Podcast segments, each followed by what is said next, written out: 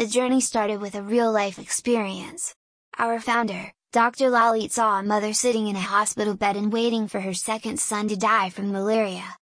Countless such occurrences are seen every day because of inaccessible healthcare and lack of awareness. MedTel started with a vision, to ensure that no emergency or complication of a patient goes undetected. To accomplish this, we built a connected care ecosystem, using IoT-enabled devices and a smartphone app, which is especially needed in chronic disease management. While chronic diseases are not completely curable these definitely can be managed to help patients live a happy and healthy life. Regular monitoring and lifestyle changes are key to managing such diseases.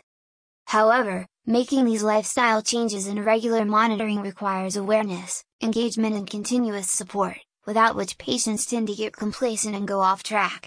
Along with this, due to lack of structured documentation, it becomes very difficult for healthcare providers to analyze data and draw conclusions on patient health from it. We aim to tackle this healthcare challenge by increasing patient engagement and compiling patient data such that doctors can draw insights faster and all in real time while motivating patients to stay on track.